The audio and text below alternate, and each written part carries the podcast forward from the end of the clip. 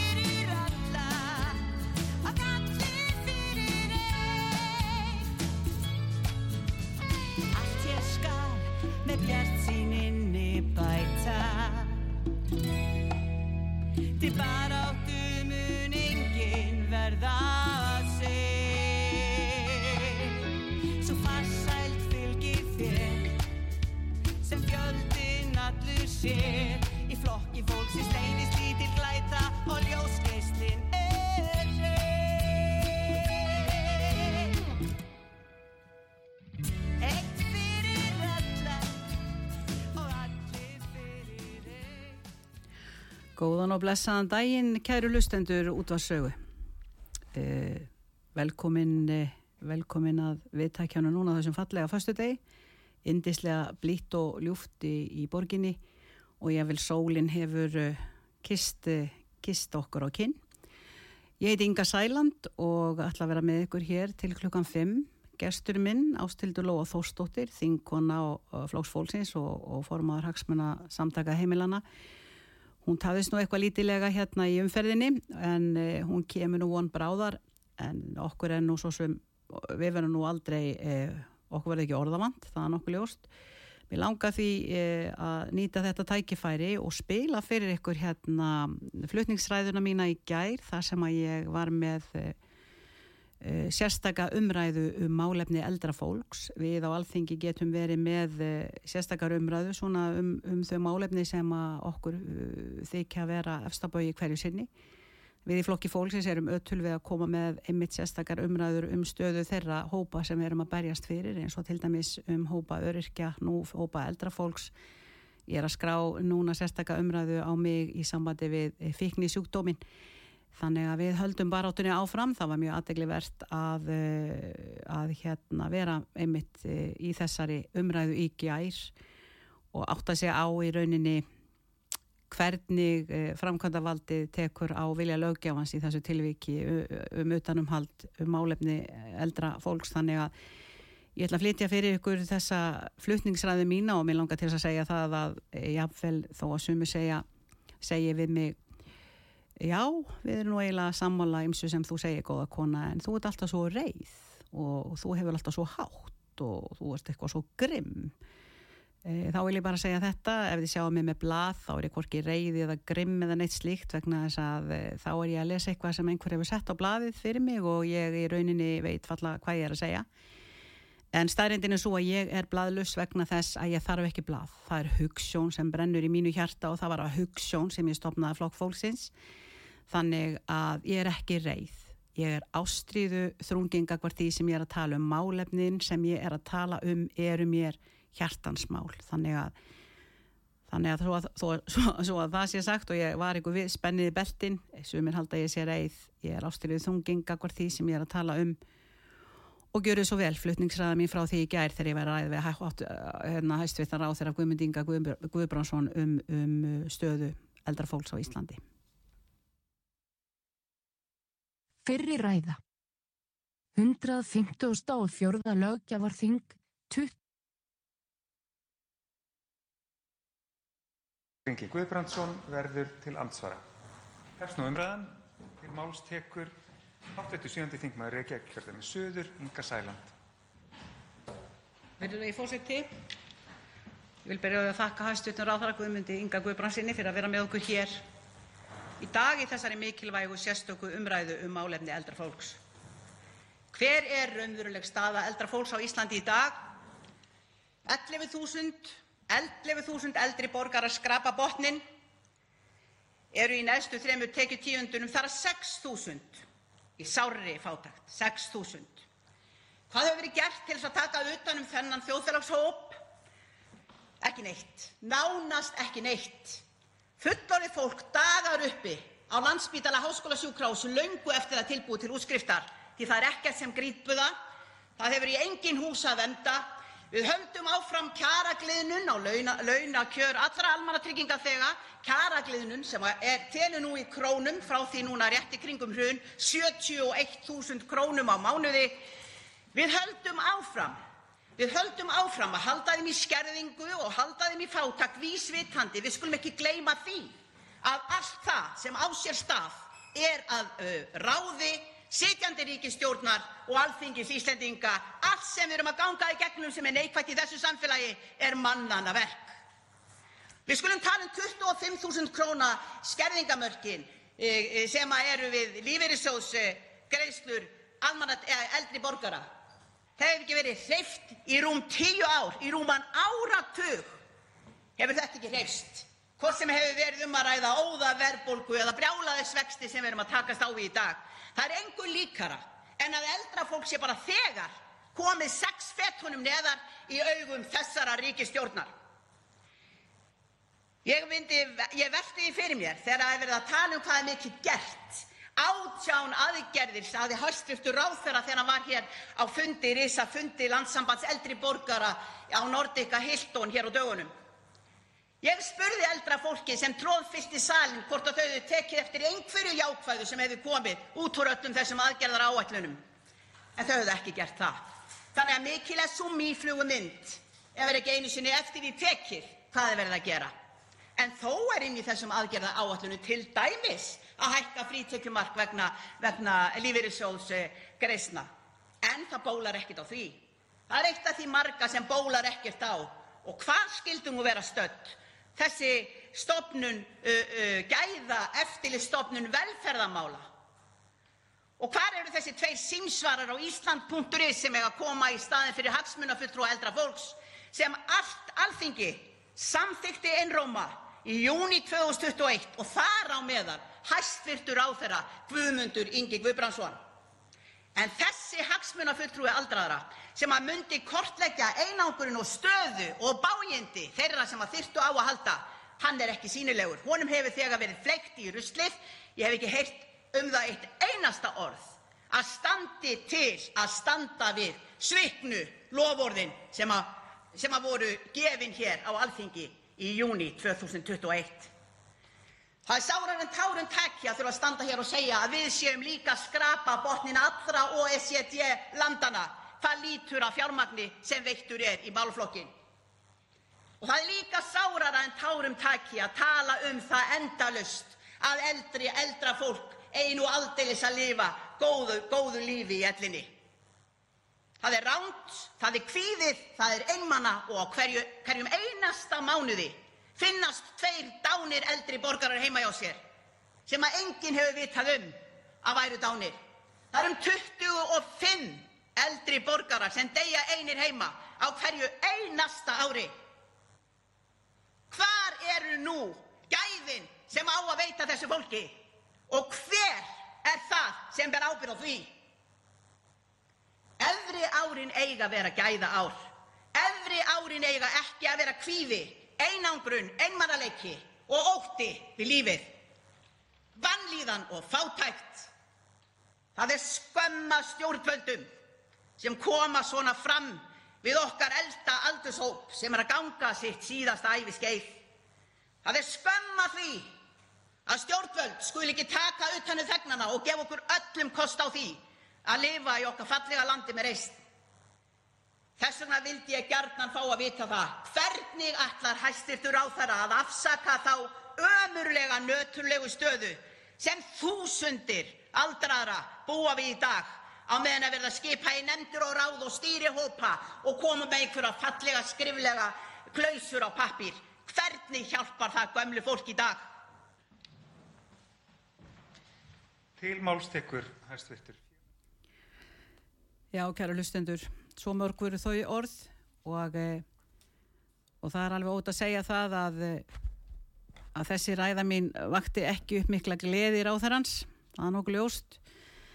Þannig að ég ætla nú svona á meðan við býðum eftir henni ástildi lóu sem að enn er föst í umferðinni að þá langar mig að uh, byrja aðeins á svari ráþerans, ég ætla bara að lesa það hérna upp uh, þar sem hann segir rétt sér svona, ég vil byrja á því að þakka hátturtum þingmann Ingu Sæland fyrir að taka upp hér á alþingi umræðu um málefni eldra fólks.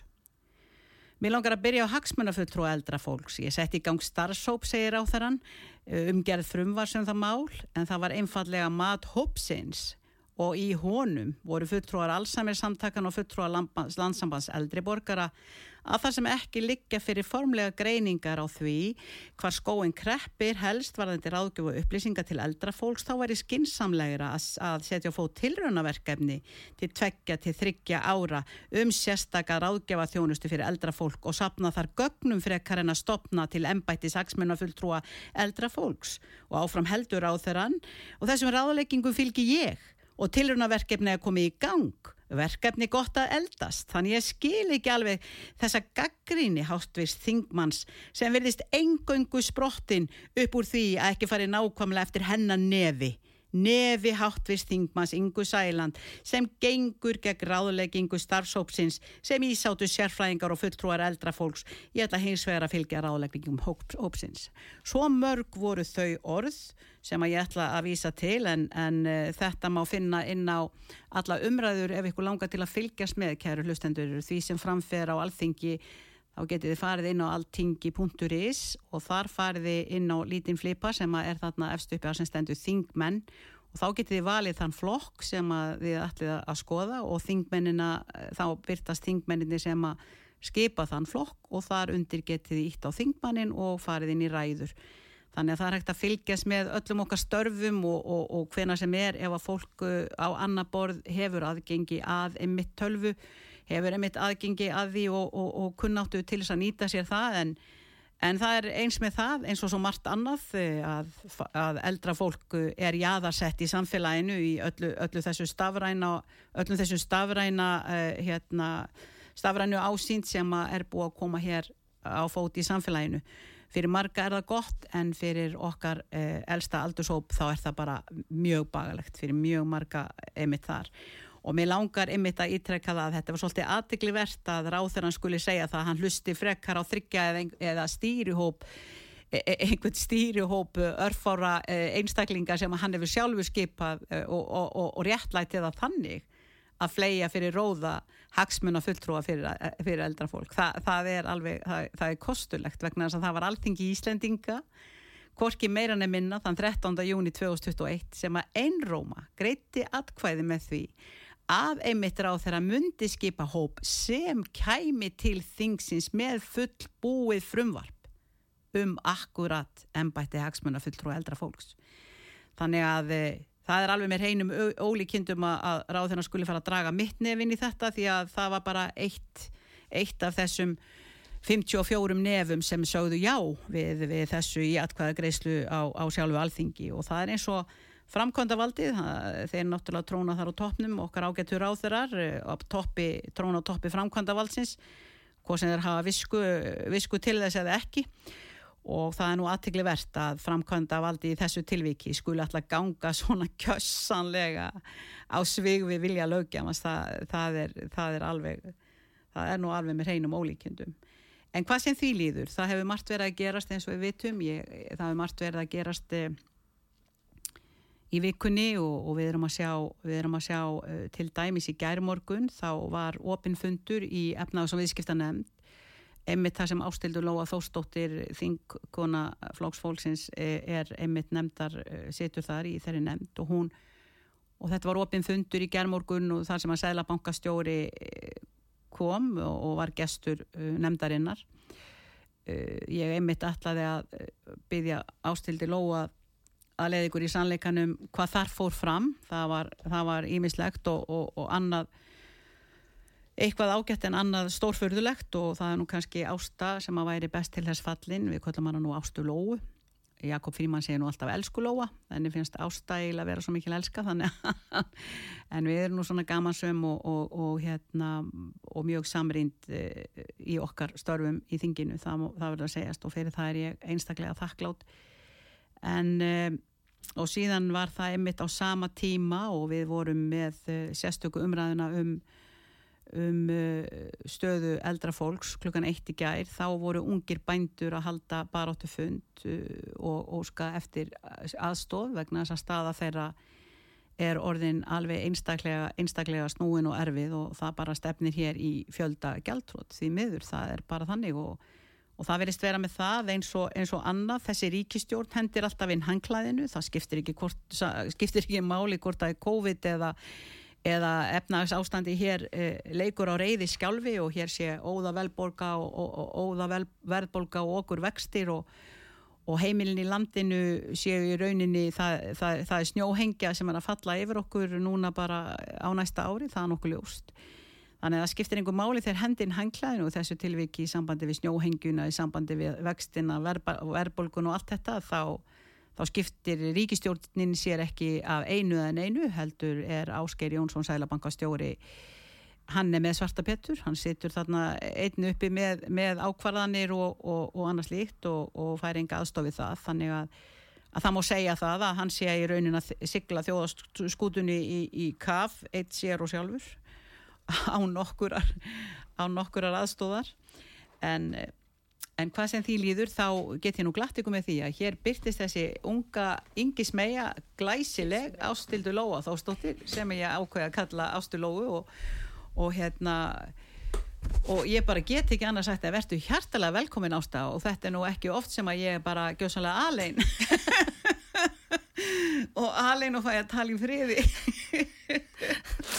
Þannig að kæru hlustendur hér er hún komin engin önnur en ásta og bara velkomin ásta. Heyrðu, ég þakka bara kjærlega fyrir og þessa, þessa kynningu sem var mjög skemmtileg. þetta er náttúrulega, svo sumaleg, það er svo gott við Já, auðvitað. Þannig að ég var náttúrulega núna að nefna, nefna skal ég segja þennan opna fund sem að uh, var í gær Já. í efnaðs og viðskiptanemnd þar sem að þú hérna ert nú svo gjörn á því aðeins að pikka í stælabankastjóra þar sem að það sem að er, uh, já, það sem hann er veiku fyrir. Þannig að þú vildi kannski segja okkur uh, segja okkur nú aðeins frá því hvernig þetta gekk fyrir sig og, og hvað varstu nú helst að reyna að fá fram hjá honum í gerðmorgun Já, ég náttúrulega hef ímislegt við sæla, ég hef náttúrulega ímislegt við sælabankastjóra að segja svo að það sé nú ef, að, ef að einhver hefur velst í vafa um það. Hitt er svo annar mála að á svona fundum þá er í rauninni tíminn sem að við fáum til að segja eitthvað, hann er afskaplega lítill og maður þarf einhvern veginn að vera að koma með og afmarka spurningar sínar og, og svo fær maður í rauninni ekki að hafa samræður heldur heldur bara fær í rauninni maður fær að spurja og svo er svarað og jafnvel þó maður heyri að þarna sé ímislegt sagt sem ekki gangi upp að að þá fær maður ekki að fylgja því eftir. Og uh, þetta er já, mér finnst þetta stór galli á þessu formi svo að ég segi það hér en uh, ekki nema maður hugsanlega komist að í setnu umferð en þá er maður stundur líka með aðra spurningar eða hvernig það er eða þú veist þannig að þá þarf maður að velja ætla maður að fylgja eftir eða hvað. Þannig að ég eiginlega samt ákveði gæra að, að bara að spurja um allt sem að mig langaði til og, og, og eða sem sagt, ég segi nú ekki allt en, en sem sagt að koma með allavega e, tví þetta spurningar annars vegar um áhrif launahækkan og verðbólguna og svo um heimilin og þegar ég var komin hérna inn á fundin þá, eða bara hérna í morgunir réttar að sagt, þá sá ég fæslu frá G. Njálssoni þar sem að hann var að tala um, um að festi móðufélag krónar, Elko en ein, eins hafi gefið út afkomu til, tilkynningu og uppgjör fyrir þriðja ásfjórðung 2023 og að hagnaður ásfjórðungnum var 1,- 1,8 miljardar króna á ein, á, sko, ásfjórðungur er þrín mánuðir. Og að samkvæmt tilkynningunni hefði af, afkoma samstæðunar aukist sko um hvað 16,2% frá sama tímabili fyrra. Og Marino síndi í rauninni fram á að að launakostnaður hefði ekki valdið um, festi nokkrum einustu vandræðum eða valdið nokkrum hækkunum á verðlagi hjá þeim eða neitt þess aftar. Þannig að ég sem sagt hérna rakti þetta nú aðeins fyrir Sælabankastjóra að, að því að hann hefur svo oft sagt að það séu kjarasamningar og laun sem að valdi eh, sem að haldi verðbólkunni uppi. Að hér hafi sem sagt hér hafi launahækkanir verið allt og miklar og, og þess vegna sé verðbólka á Íslandi. Og þetta er bara ekki rétt ég bara, þú veist, þetta, þetta er bara ekki rétt. Allavega ekki nema, þú veist og, og hérna, þannig að ég rakti þetta nú fyrir honum og, og, og ef ég bara má svona bara fara yfir þarna því ég er nú með þetta hérna fyrir frammi, ég sagði bara ef tekið tillit til þess að laun og, þetta er, og þetta er unnið upp frá Marino, tölur frá honum sem að náttúrulega, ég bara veit alltaf að það er að treysta tölum sem frá honum koma og að semst ef við tekið til þess að laun og starfsmannakostnaði festist þess að nýju mánu 2023 var um 11,3% af veldu þá voru áhrif kjarasamningunum 1,23% á heildaveldu og um 1,25% af heildarútgjöldum. Það er nú ekki meira. Nei, er ekki meira. Það er ekki meira. Og hann sagði kjarasamningar ollu 10,9% hækkun launa og starfsmannakostnaður hjá festi fyrstu nýju mánuði ásins miða við saman tímabili fyrra um, og, og svo hækkun sem sagt namum 1,25% heldakostnaðar og hann sagði hvernig skýrir og ég spurði sem sagt hvernig skýrir 1,25% hækkun heldakostnaðar 9,1% hækkun vers matar og drikkjafuru frá undirritum kjærasamninga í byrjun desember 2023 til loka þriðja ásjóns 1,25% af veldaveldu 9% hækkun á vöru. Já. Þannig að við sjáum allavega að það er ekki launaliður Það er sem að, það er ekki launali- launaliður Nei. sem er að kreista og til þess að, að hérna, hækka heldur er það aðgerði Sæðlabankastjóra sjálfs. Já, í rauninni. Að hluta til og náttúrulega. græki, Og bara græðgi, já, grækisverðbólga sambland. og ég sagði bara svona í ljósi áhyggna að seglabankastjóra á komandi kjærasamningum finnst honum þetta sína að verðbólgan sé vegna launahækkana? Er ekki auðljóst að hér sé frekar um hagnaða þreifna verðbólgu að ræða? Það verður nú að segast eins og að það var lítið um svör það, verður, það er aldrei neins svör sem koma frá þessum manni og hérna það, það er rauninni alveg bara mjög alvarlegt að hann svarar ekki neinu eða eins og við getum sagt svarar út í hött Já. svarar, talar um eitthvað allt annað talar um eitthvað allt annað og Já. svona svo, svo náttúrulega tók ég hérna heimilinn og ég sem sagt Þú sem þetta varst ekki að taka á honum neinum silki hönskum, hérna, takk. nei, ég, bara, ég ger það ekki og ég, hérna, ef einhverjum finnst þetta vera hart sem að ég segi við hann þá get ég sagt það að ég myndi, það væri alveg hægt að fara harðar en hérna, sko ég hef ekki miklar áhyggjur af, hvað við segja, tilfinningum um, þessa fólks eða hvort að það móðgist við spurningar eða finnist það er ég. of harðar eða ekki, ekki. Ég hef áhyggjur af, af fólkinu sem er að verða fyrir þessu. Ég hef áhyggjur af heimilunum sem að eru að horfa fram á gríðarlega vandræði. Og ég sem sagt spurði svo líka og ég sagði hérna þó að ykkar hlutverk sem Sælabankans ég að berjast við verðbólguna er rör sínin sem byrtist í sí endurteknum verðhækkunum að steipa þúsundum heimila í gríðarlega vandræði. Vakstaðækkanir muni óhjákvæmilega keira fjölda heimil í þrótt og búa til langvarandi krepp á Íslandi og ég bara er ekki nokkrum einasta vafum það svo ég skjóti því en þetta bara, það, það bara blasi við og ég sagði þið gætið engan vegi meðalhófs og Íslands þjóðfélag mun súpa segða vakstaðækkunum undanferðina missar næstu árin og ég vil ára týjina fólk mun því miður missa heimili sinn þó síðarverði verði ekki snúða á þessari braut strax og bændur ekki síst þeir yngri eru margir við það að bregða búi vegna vakstahækana. Það er matvæla framleyslan í Í landinu. landinu.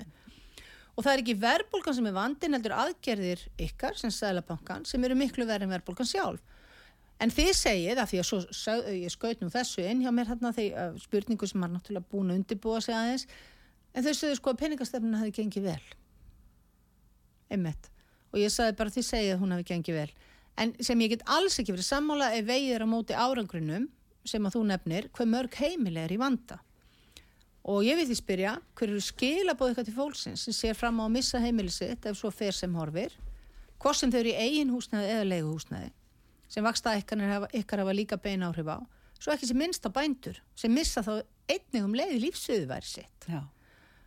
Og svo saði ég Sæðlebokastjóri verið aðlagt þeim sem er að horfa á markvöldin húsnæðiskostnaðar á næstu mánuðum að ræða við bankansinn og skoða möguleikana sem þýðir að fara í verðtri lán því það eru í raun engar aðra lausnir í bóði nema hugsanlega í algjörum undatekningatilfellum og eins og staðan er og hefur verið hafa einungis um 25% heimil að fengi vakstahækkanar á sig á fullum þunga þar sem um 30% hafa verið með óvertryggt og fastavexti og 45% með verðtri lán og vakstahækkanar hafa því illa virka því að það bitna á svo fáum. Þa, þarna kom við að öðru. Það er ekki nema 25% heimila sem hafa verið að fá á sig þennan svakalega þunga en um leið er verið núna að býða eftir þessar svo kallu snjóhengju Mm og þegar hún kemur þá ætti, ef allt var eðlilegt, Sælabankastjórun að fagna og hugsa ég, loksins fara vakstahækkanar að býta eins og það reyja að gera. En hvað gerir hann þá?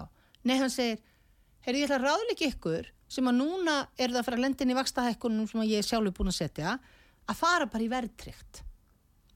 Hann segir endar að hann ráðleiki það ekki. Hann, hann, hann, hann þvertekur fyrir hann að vera ráðlagt það, hann segir bara að hann hafi ráðlagt fólki að tala við bankan sinn. En ég veit það, sem formaður hagsmunasamtaka heimilina, þá bara veit ég, það eru engar aðrar lausnir. Nei, nei. Það er ekkert annað, þannig að hann er að íta fólki út í já. alveg sami hvaða búningan setur það. Svo að ég spurði hann, er það ekki algjörlega á skjön við vakstaðækuna kenninga Sæðlabankans að ráðleggja fólki að flýja yfir í verð til lán og draga þannig enn úr virkni vakstaðækanna og sýnir það ekki að vakstaðækanir eru gagslösa gegn verðbólgunni og svo sagði ég að það er kannski tilgangurinn að íta heimilunum aftur í gildru verðtrýra lána til að tryggja áframhaldandi hagnað og egna upptöku bankana frá heimilum landsins. Nákvæmlega. Það er nákvæmlega það sem er, við erum að Það horfa upp á er þetta. það sem Þetta við er erum að horfa upp á. algjörlega vísvitandi. Þetta er alveg vita. En, en Ásta, en við höldum áfram að tukta til hérna Sælabankastjóran og, og ríkistjórnuna sem við ætlum að gera núna uh, eftir eh, örskama stund, þá Mhm. náttúrulega ætlum við að hlýða hérna á einhverjar mjög skemmtilegar og frábærar auglýsingar. Já. Heilur og sælir aftur kæru hlustendur út á sögu. Við setjum hérna stallsistur, Inga Sæland og Ástildur Lóa Þórstóttir. Við köllum hana eins og ég saði gráðan Ástur Lóa. Þannig og við erum í rauninni að tala um uh, það sem skiptir máli.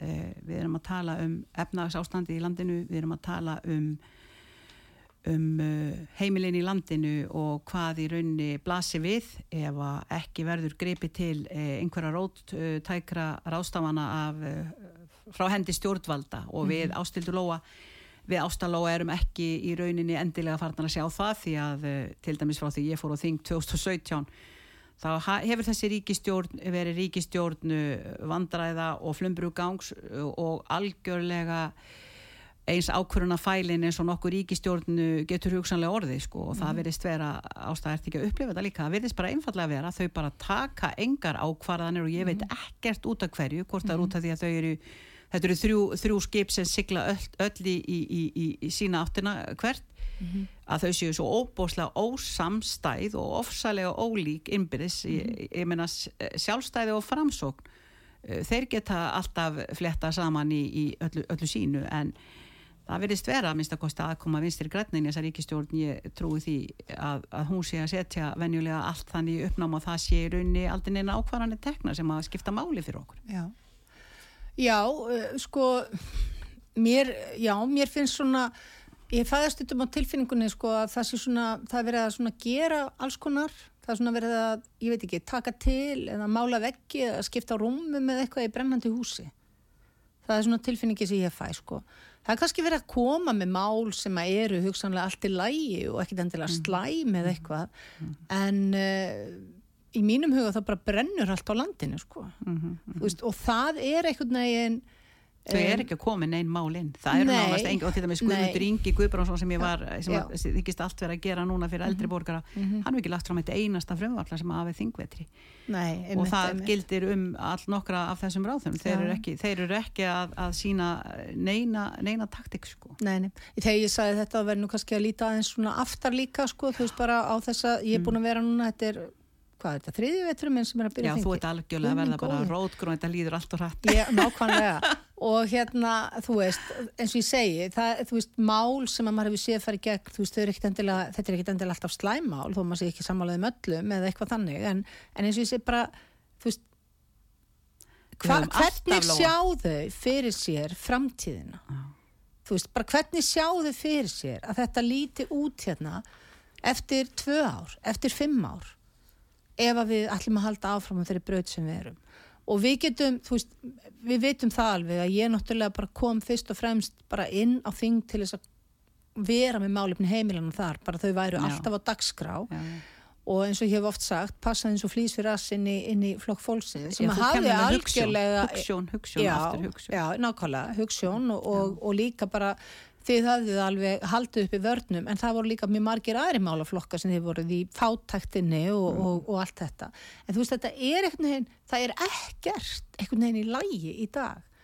En, en ef ég horfi bara á þennan málaflokk sem að er svona minn hjartans málaflokkur að ég er bara rosalega hrætt við hvað er að fara að gerast og, og mér finnst sko það er, það er svona fólk er dofið fyrir þessu vegna þess að eins og, eins og bæði fjármálráð þeirra allavega fyrirverandi, ég er ekki búin að heyra mikið í hinum um þetta, þessu nýja en fyr- fyrirverandi fjármálráðra og, og sæðlebókastjóður alltaf að segja það eru svo lítil vanskil í böngunum það er bara því að það getur enginn eiginlega farið í vanskil akkurat núna af því að ennþá er verið að bjóða fólki upp á Verðtryggingu. verðtrygginguna Flýja í lægri Já, afborganir. að flýja í bili. afborganir og það, þess Þetta er vegna er ekki þetta er bara verið að leigja lengi hengingarólinn eins og við vitum, þetta er Já. bara rétt bár fyrir báru. þetta er það, þetta er ekkit annað og við vitum hvaða afleiðingar koma af því Mm. þegar við erum að, verðtröðun lánum í svona mikill verðbólga eins og núna, sérstaklega þegar það er snemma á lánstímanum þegar upphæðin er hvað hæst Við heyrðum til dæmis, eh, það var, eh, hann kom nú þarna í bítið núna, hann- Sigurður Ingi Jóhansson innveðar á þeirra núna bara fyrir allir ekki þrýr mótna síðan, eitthvað, eitthvað svo leiðis. Þar var hann uh, indur eftir því hvar væri statt þetta mál í sambandi við húsnæðsliðin í vísitölunni. þar sem hann hefði sagt í mæ síðastliðinu með mitt í viðtali þeir vísu í það þegar ágættu hérna stjórnendur bítisins að þar var hann einmitt að tala um að það væri sko miklu meira heldur en þörf á því að einmitt skoða með alvöru að taka þessa þennan húsnæðislið út úr vísitölunni. Nú það var nú fátt um svör. uh, eins, og, eins og gengur. Og uh, ráð þannig vísaði nú eiginlega bara á, á hagstofuna. Og þetta væri einhver staðar hjá þeim þar alveg eins og hagstofan væri allt í einu orðin lögjafinn sko. Að átta sig ekki á því að þessi vísitala, þessi húsnæðisliðu var settur með einu pennastriki sko. Það er, við getum bara gert það á, á, á sko einum dagparti að, að uh, breyta lögjöfinni eins og mark hefur sínst sig. Ef að skiptir ríkistjórnina máli þá geta það kyrt í gegn hvað sem er á einu degi. Það er bara alveg, bara á einum degi. Við þurfum ekki að vera að velkjast þarna með þessi mál, svoleiðis vikum og mánuðum saman e, e, eins og er. Þannig að E, þannig að bara húsnæðisliðurinn út úr vísitölunni hefði breytt til dæmis Guðmundur Ingi okkar Kristinsson var að segja að það kom fram núna á fundi sem hann var á í velferð það kom fram að, að þessi húsnæðisliður hann væri búin að þeita upp upp ástandinu verðbólgunni og stiðja við hana núna bara á einu mánuði þá hefði hann skekt myndina um 1,5% Já. Þannig að ef hann hefði ekki verið inni þá erum við ekki að sjá 8% verðbólgu heldur 6,5 þannig að það virðist vera líka sko, eins og þú segir ástæðalóa réttilega að það er engin framtíðasín þau eru með rörsín á það sem þau eru að, gera. Og e, það virðist vera að þetta er ég, ég bara verða að segja, ég veit ekki hvort að þú fegst þetta skelvilega sorglega bref sem að ég fekk í morgun. E, klukkan 09.09 var sendt bref á okkur all marga þingmenn frá konu á miðjum aldri sem að misti helsuna fyrir örfáum árum, hún er einstæð móðir og hún er að leia hjá Bríett leigufélagi. Og uh, hún hefur síðan 2019 uh, verið undir fátaktamörkum hún sendi okkur uh, greiðsluseðel, hún sendi, sendi okkur alla, allar prósentur og allt um það hvað hún þyrfti hlutvarslega að greiða mikið í húsalegu með, með tilliti til tekna og annað slíkt og þetta var sláandi og mest af öllu sláandi var að hún er búin að berjast þetta í, í, í all nokkur ár undir fátaktamörkum hún sagði núna núna get ég ekki meir. Og þetta er mitt síðasta bref og þetta eru minn síðustu orð og ég er búin að gefast upp. Ég held að eina leiðin fyrir börni mín sé að þeim verði komið til vandalausar þegar ég er farin þá fáðu kannski fæði, klæði og húsnæði því ég get ekki veitt hon, þeim það.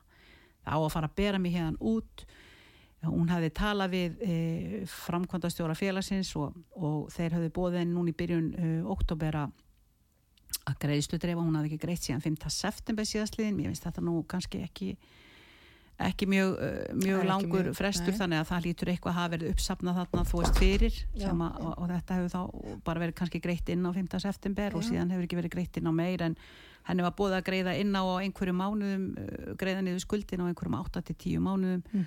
Og hún samþykti það engu að síður á þeim pósti sem að við höfum fengið að sjá sem eru samskipti hennar við þessa við framkvæmtastjóra bríetar uh, í þessu tilviki, þessa Mm. leigusala að þá uh, á hún að fara og bara á að bera hann út og, og hún er búin að gefast upp og þetta er þangað sem er verið að stefna öllum það er eh, að taka heimilin af okkur helst, helst öllum og þetta á alltaf verða eitt stórt uh, græðgisvætt leigufélag Bríet hins vegar er, er undir eh, hérna, húsnæðis og mannvirkjastofnun. Það er í rauninni stjórnvöld sem að þykjast vera voða góð og alltaf koma til móts við fólk sem er efnaminna með því að koma því í örugt skjól og, og þak og koma því í þak, með þak yfir höfuði ég verð að segja það ást að ég er hérna hreinlega í sjokki eftir þetta bref og það er mjög mikið af svona skelvilega sorglegum pósti sem við erum að fá og ég hef aldrei í þau sjö ár þetta er sjöndi veturinn minn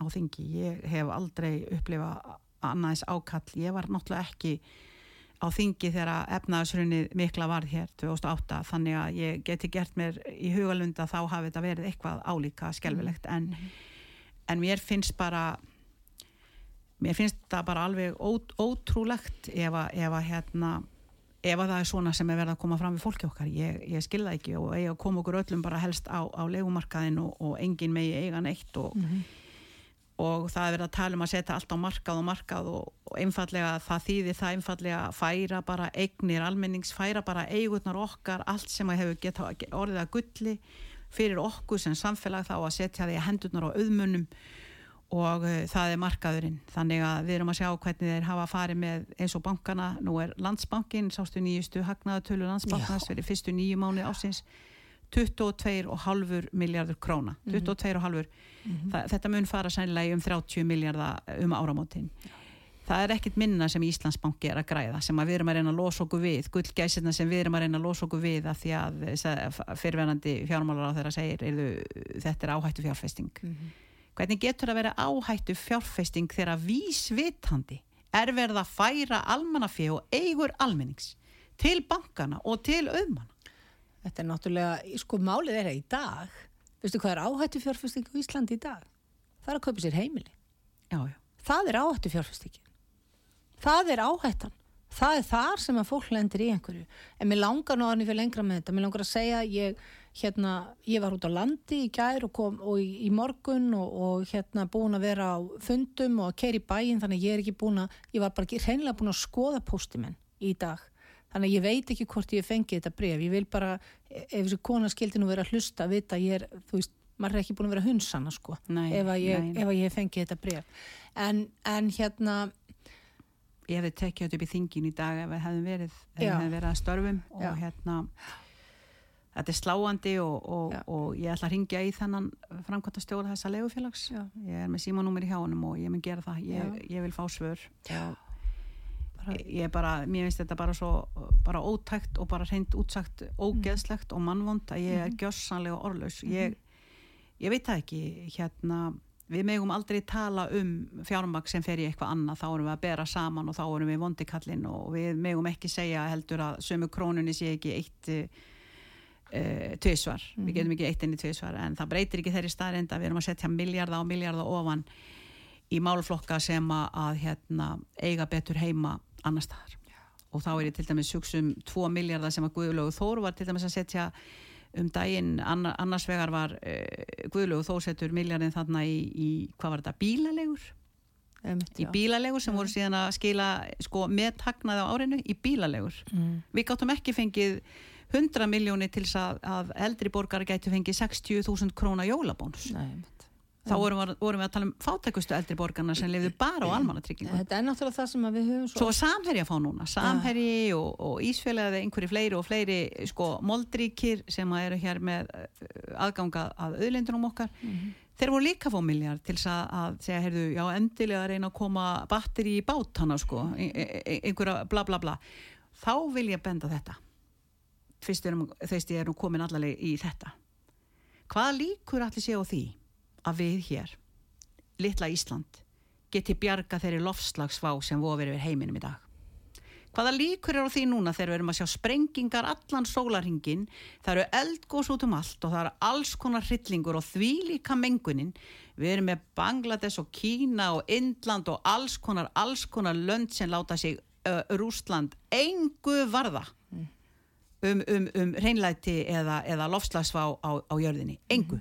Þá komum við og við, við, við kreistum borgarana, við kúum borgarana og við setjum miljarda og miljarda ofan í einhverja svona lofslagsvá eins og það skipti máli hvað við erum að gera. Við segjum fólki fyrst og svo allt hitt og ég stend við það, burt sér frá allri mengun. Já, ég meina það er svona, þetta er alveg, þetta er nefnilega alveg rétt við, sko við getum verið kannski að einhverju leiti, jú fyrirmynd eða eitthvað, en þetta er svona, en við gerum í rauninni ekkert mikið meira en það, við erum eins og, við erum dropi í hafið. Það þýðir ekkert að við höfum ekkert að gera neitt, en það kannski hugsanlega þarf aðeins að skoða hvernig, hverjar áherslunar eru og hversu langt er gengið, einmitt í álögum á fólk og annað. í Við þessu. getum gengið á undan með góðu fólk. Við getum gert það, já, algjörlega, að, að setja okkur svona gjössanlega með 20 miljardar uh, fjár, fjár, fjár veitingar í, í málaflokkin. Sko. Mhm, það er alveg það ætti alveg að vera sko. En hérna, já, ég að því þú varst nú að nefna sko, þú nefndir hérna einmitt eftir eftir hrun, sko, bara hvernig þú veist, ástandið þið verið. Það var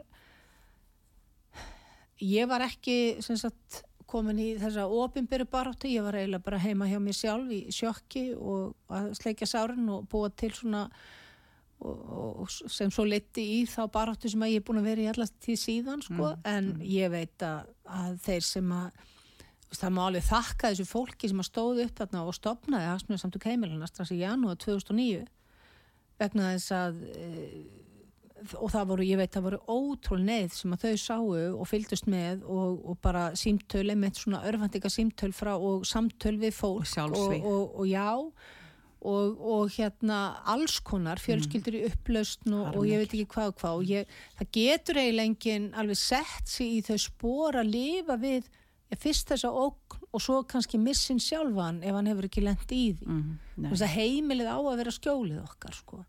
og ég vil meina þau eiga að vera óaðfara hæf. Það á ekki að vera hægt að ganga heimilum fólks. En, en hérna en sagt, og, og það er staðreind að ef að hagsmunasamtök heimilina væru ekki til þá væri já, sko ég get náttúrulega ekki útiloka stjórnmálflokka þannig séð eða þá fáu eins og við erum að berjast. En það er í rauninni umræðan um heimilin hún hefur haldist á floti og haldist með hagsmunarsamtökum heimilina hún byrjar þar að það er farið að tala um að það sé ekki að ganga heimilunum með þessum hætti. Það, það er byrjað að tala um verðtrygginguna og hverslega böl hún sé og svo framvegis og svo framvegis. Og, og hérna það er bara pínlítið þannig og ekkert bara pínlítið, það er bara þannig að þetta er eiginlega bara þetta er, hefur bara verið eina vörninn sem að heimilin hafa haft Þú hefur nú aldeilis ásta hérna uh, látið til þín taka inn á þinginu og komið með mm uh, mýmörg uh, þingmannamál frum vörn og, og þingsálættinir og það var nú kannski og bara til gamas allir að geta þess að því ég fæ ekki leið á því að segja það. Flokku fólksins lagði fram yfir 60 þingmannamál strax og þingi var sett. Þetta eru allt sama mál til hagspóta fyrir land og þjóð, allt saman sérstaklega fólki í landinu og, og við sem sagt lögðum fram fleiri þingmannamál heldur en allir hinn í flokkarnir til samas uh, tæplega sinnum tveir, hvorki meirinni minna. Og nú erum við búin að setja allt á liðin í þinginu þannig að nú er á að fara held ég umræðinni, í umræðinni fara að koma að setja kvóta á dugnað, það er fara, á að fara að setja kvóta á dugnaðin okkar. Nákvæmlega. en þú Ásta, segðu, segðu hlustendum pínlítið frá því, hvað þú hefur sérstaklega verið að gera vegna þess að við í rauninni í flokki fólksins áður en að við fengum þinn mikla hugssjóna anda og viljastyrk með okkur þá vorum við eh, búin að berjast líka gegn því hann á húsnæðislið út í vísitölu berjast gegn eh, hérna, verðtrykkinga og neytendanlán við erum búin að vera með frumverf um þetta alveg frá því við komum þing Já, já. e, þannig að e, þú tekur við boltanum og fylgjur honum eftir af þinni einskæru eh, hérna, hugssjón og og þannig að við erum náttúrulega blessuð, flokku fólk sem er blessaður að hafa fengið Æ, svona hugssjón á konu elskan mín í liðið og við erum bara að frábært hvað við erum sko öll uh, á, á, með, með svona sé- sérhæfingu á, á einhverjum sko á svinguru sviðinu Já, það er mjög skemmtilegt. það er mjög sko. skemmtilegt, er þannig að það. sérstaklega því að við erum svona ána með hvert annað Já. í lók dagsins alltaf Já, já, það er, það er alveg rétt, sko. þannig að Já, sko, ég, ég hef, mér langar nú kannski til þess að byrja að segja frá frumvarpinu, sko, sem að ég er búin að taka af dagskrá. nú, ég, það, það, þú ert að segja mér það líka því ég vissi ekki að vera búin að taka Jú, frumvarp. ég tók, ég, þarna, ég var búin að leggja fram í þrísvar, af því ég fekk þetta einu sinni sem forgangsmál, alveg frá því ég komin á þing. Um, það var fyrsta sem ég gerði, það var neyðarráðstöfin í mínum huga, það minnsta sem hægt var að gera til að verja heimilinn, það var að setja, að, að, sagt, hérna, að frista um, lei, hérna, verðtrykkingu á bæði leigu og lánum í eitt ár. já, já, já, já. Ég fór yfir málinn mín í haust og ég hugsaði að þetta hefur engan tilgang lengur. Þetta hefur ekki tilgang lengur, skaðin er skeður, sko, skilur. Þetta hefði, hafði tilgang í fyrra og hefði breytt öllu í fyrra eða hitti fyrra ef að þetta hefði verið gert. Það hefði haft gríðarlega áhrif fyrir, alveg, eh, fyrir þúsundir. En þetta bara, the ship has sailed, eins og það segir í, í, á, hérna, í, þarna á ensku, svo ég leiði mér að sleppa. Það er bara, það er orðið seint að gera þetta núna, þannig að ég tók það bara út. Vegna þess að það er ekkit, ætlum við að frista það í, þú veist, eins og þá var hérna í haust 10% verðbólku skilur. Við erum ekki fara að gera það Nei, nei, við gerum eða það eitthvað ekki. þannig. Nei. Þannig að þú veist, þannig að það var bara út. En það sem að ég er búin að vera að reyna að gera er, ég er búin að náttúrulega hef lagt fram, mín frumvörp hafa snúið mjög mikið að alls konar sem að eh, bara er að um, um, svona bara setja girðingar í kringum lögin, í kringum réttindi neytenda fjármálamarkaði sem eru bara alveg svakalega lítil í raun. Og Til dæmis þetta, mér langar að nefna, veist, þetta, þetta mál, þetta frábæra mál sem að, að þú ert með í sambandi við að, að eh, styðja, styðja við hérna, íbúðareigendur sem Mhm. að eru að lenda í vanda, hafa fengið kannski greiðslumat upp á 220 úrst á mánuði en allt í einu Já. Er búið að rjúka upp lánið þeirra í 400-500 þúsund og allt í einu þau get ekki, fá, þá fá þau ekki einu sinni greiðslumat, þau ætla greiðslu, þau ætla skuldbreyta Mhm. en þá fá þau ekki greiðslumat af því að, hei, nei, þú ert bara með greiðslumat upp á 220 úrst, þetta er aðferðin sem þið nota til að taka heimilin af okkur. Já, og þa það er einmitt sko, ég, þarna, þetta, þetta er svo, það er svo, það er svo svakalega óréttlátt hvernig í rauninni bankarnir eða fjármálastofnunir eru alltaf með best belti og axlabönd og það er alveg sama hvað þeir er, þeir geta alltaf snúið allir sér í hag, skiptir engum máli. Þannig að uh, neytandi, bara, ég ætla bara að segja ég, ég fer í banka og ég vil, er kannski búin að finna eigna mína og ég vil fá greiðslumat og það er satt bara neyði mig af því að, og ég get ekki keift eignina mína af því að bankin er búin að setja mörg eða það er, já, er eitthvað mörg sem hafa verið sett og það kannski munar ekki svo miklu, kannski munar 15-20 krónum og ég fæ bara neitun.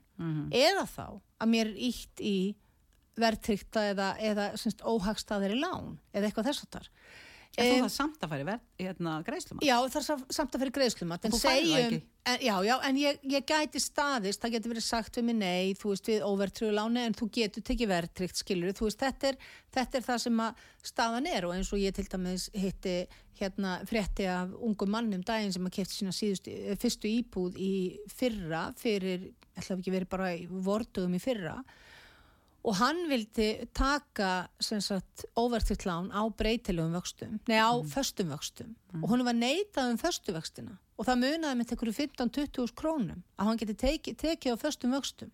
Og hann sagði býtu, sælabankastjóri búin að gefa það út að vexti sé að fara hækkandi. Já, en þú ræður ekki við þetta. Já, ég er reyna að koma í veg fyrir að ég lendi í því. Skilur já. honum var neitað um þetta. Hvað er það sem búið að kosta? Mm. á þessu, hvað, þetta var held í mars eða eitthvað svo liðs í fyrra, er skelfing. vexti voru hvað fimm, fimm, ég man ekki hvað þeir voru. Þú veist, hvað er það sem búið að kosta? Þannig að sko, þú veist, þetta en, en svo ber bankin enga ábyrð á greiðslumatinu sínu. Nei. þegar til kemur. Núna til dæmis um, er fólk, þú veist sem að kannski var með greiðslumat upp á segjum 250.000 og nú á það allt í hún að borga 500.000 Veitu, hvernig, hvernig gengur það upp? Þá minni mig á emmitt það sem að Sigurður Ingi innveðar á þar þegar hann var í bítinu hérna fyrir þrem mótnum þegar hann var spurður að því emmitt að þarna var dæmi um einstakling sem hafi verið að greiða um 240-50 krónur af láni Já. og var, þótti nú alveg nóg um nú að lánið hans kom í 450.000 og hann var að borga 7.000 krónur af því inn á höfustólin Já, með þetta er rétt. 443.000 í vexti Já, þetta er rétt. og, og viðbjóð Já, þetta er rétt. Herðu, er, er þetta, er, þetta, þetta, þetta, þetta bara glæpsta, þetta Já. er glæpsamlegt. Þetta er rétt. Af 500.000 krónar mánuðarlega greiðslu fer í kringu 10.000 kall núna inn á, á höfustól. Hugsaði. Og hugsaði ykkur Og það. hva, akkur, ég meina, ástaf, við verðum náttúrulega að gera eitthvað ennþá meira og hafa miklu hærra inn á þinginu með hvað þetta var og koma með fleiri, fleiri hérna lausnir. Við erum alltaf að reyna. Ég er búin að hafa alveg svakalega hátt, eða ég er búin að hafa eins hátt og ég get. Við þessu. Já, mér hefur stundu verið sagt það, sko. En, en hérna, þetta, sko, þe- þe- þetta er bara, mér finnst þetta að vera glæpsamlegt. Mér finnst þetta glæpsamlegt. Ef við bara horfum á það, 500.000 krónur á einu ári eru það 6 miljónir. Og af því er þá 120.000 að fara inn á höfustólinn. Já.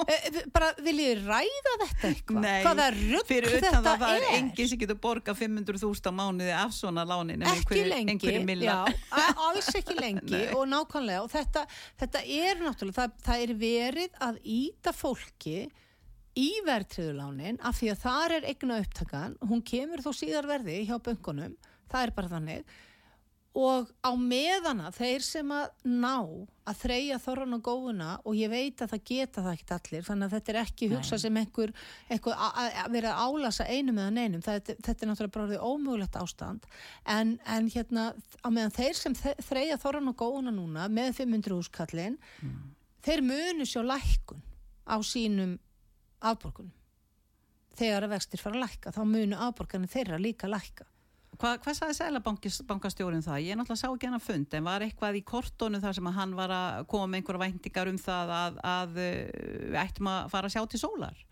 Ég meina, eh, var, var hann eitthvað spurður út á því út af hverju við lítum okkur ekki nær og ég meina, nú er verðbólgan til dæmis í Danmörk, ég held að hún sé 1%. Ég meina, eh, þe- þetta er, við erum að slá met hérna, bara, við erum að slá met hérna í, í okkur vöxtum og verðbólgu ef- hjá öllum þeim löndu sem við erum að bera okkur sama við og, Já, já. og spáni rundi verðbólgan hjá þeim bara gjörsanlega Já. og var komin nýr í sko 2,8% eða eitthvað og ég, ég segi sko sagði hann eitthvað um þetta? Ég meina, getur hann sagt eitthvað um þetta? er hann bara undan hann- í flæmingi? hann og, telur bara að, að verðbólgan sé farin að, að hafa, að, nei, vakstaðekana séu nú farnar að hafa áhrif og sérstaklega hafi stóra skrefið sem þau tóku í sumar þegar þau hækkuðu um hvað var ekki hvað, ég man ekki hvað hækkunni var þegar þau tóku svona Þau tóku stökk. hækkuðu, hækkuðu svolítið vel já, mánuð að það hafi um virkað 1 og 1,5%, mjög vel sko.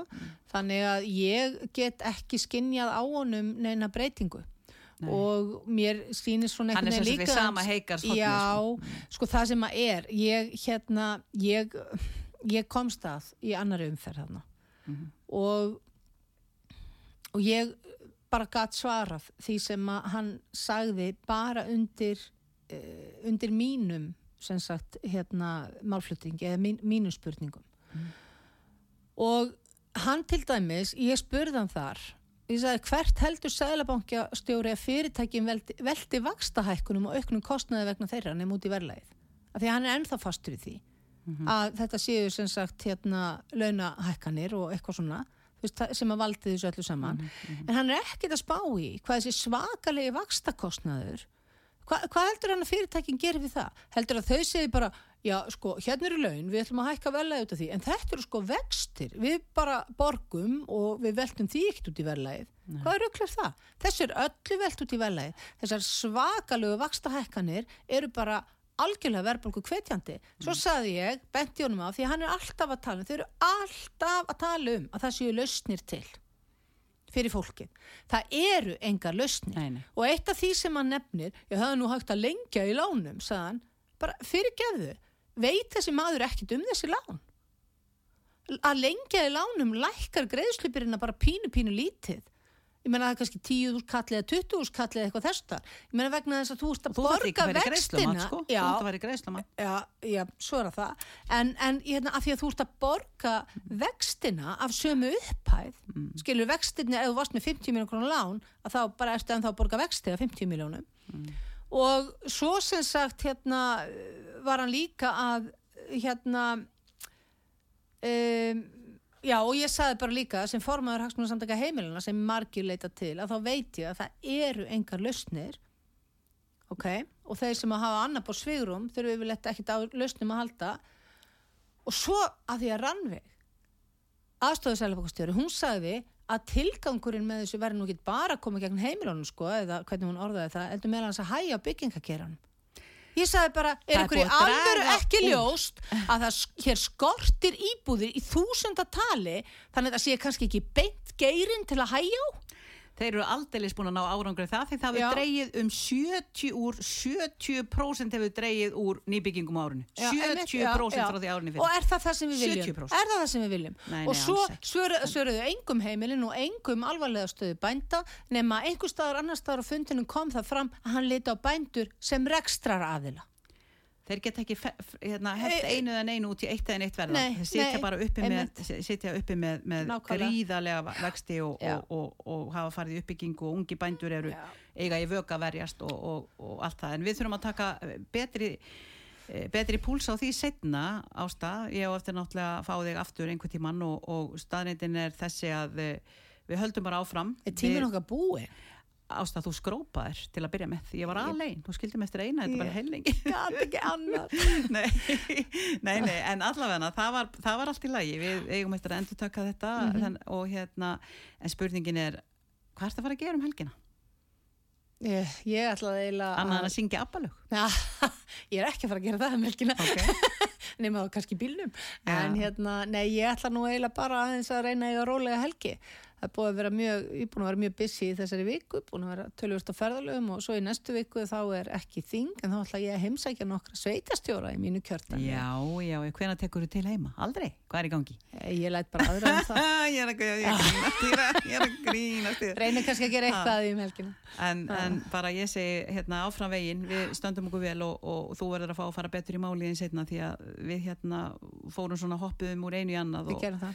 og, það er bara mjög skemmtilegt. Ég ætla að vona kæru hlustendur út á sögu að við höfum ekki rugglað eitthvað svo í rýminu við veitum ekkert hvað við, við skvísunar erum að segja en við erum allavega með, með hérna, hjarta á réttum stað, við veitum allavega hvert að við viljum stefna og hvað við erum að gera og e, þannig að ég segi bara takk indislega fyrir að, að hlusta og eigið þið dásanlega helgi og, og ég vona að sólin kissi kinn um alla helgin og við fáum að hafa það notalegt saman.